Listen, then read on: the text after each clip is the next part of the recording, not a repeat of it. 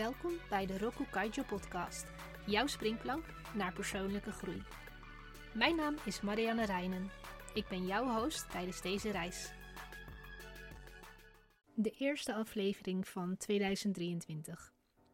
Veel mensen zien uit naar een nieuw jaar met nieuwe kansen en de focus daarbij ligt vooral op doelen.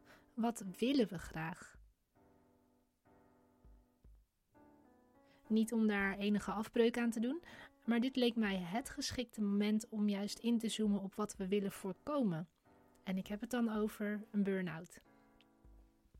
Misschien denk je bij een burn-out aan een toestand die is ontstaan door een hoge werkdruk, een te grote werkvoorraad en te veel verantwoordelijkheden. Maar wist je dat sommige wetenschappers spreken over verschillende soorten burn-out? Om het jaar goed te beginnen, vertel ik je tijdens deze aflevering meer over burn-outs. Met natuurlijk als doel te voorkomen dat jij daar belandt. Melody Wilding, executive coach en auteur, beschrijft in een artikel voor Harvard Business Review drie types burn-out. De overload burn-out, de underchallenged burn-out en de neglect burn-out.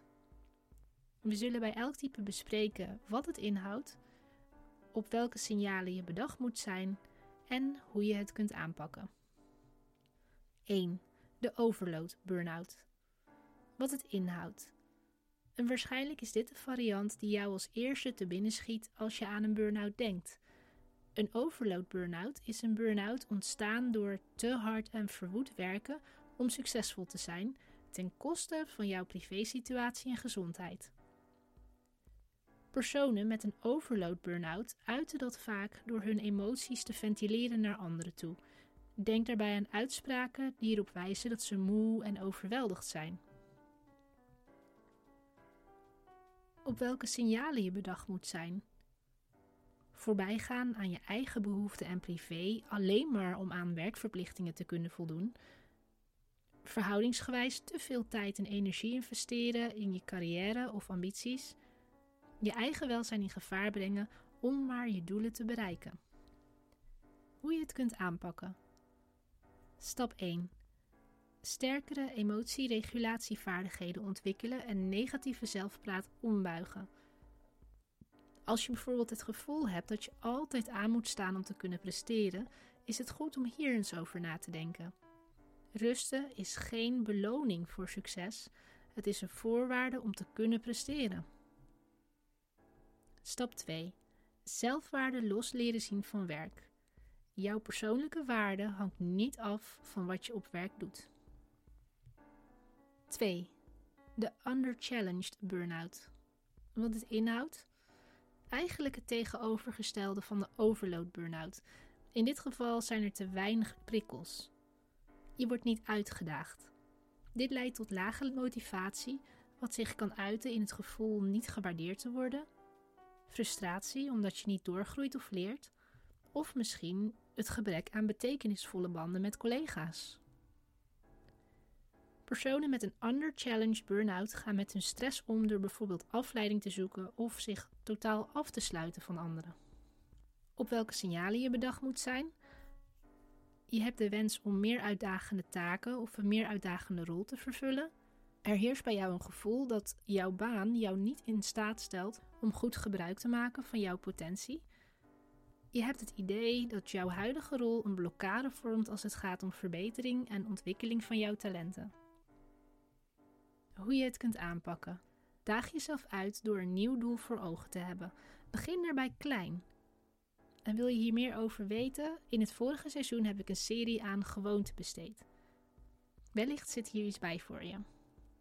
3. Neglect burn-out wat het inhoudt. Deze variant staat ook wel bekend als de versleten versie. Je bent helemaal op. Het ontstaat wanneer je niet genoeg structuur, richting of leiding op je werkplek ervaart.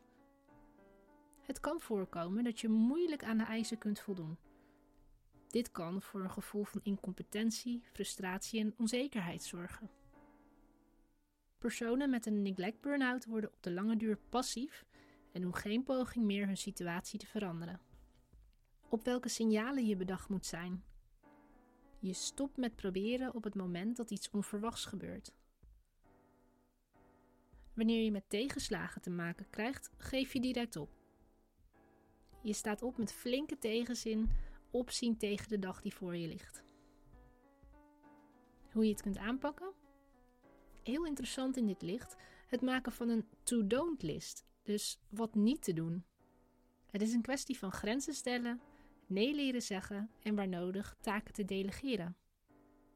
Een andere tip is open en transparant naar jouw leidinggevende zijn als het gaat om de hoeveelheid werk die je op je bord hebt liggen. Leg daarbij de nadruk op het grotere geheel en hoe jouw kwaliteit van werk beter kan als de kwantiteit afneemt en je je beter kunt focussen. Roku Kaijo's weektip. Welke signalen herken jij bij jezelf of bij een collega of vriend?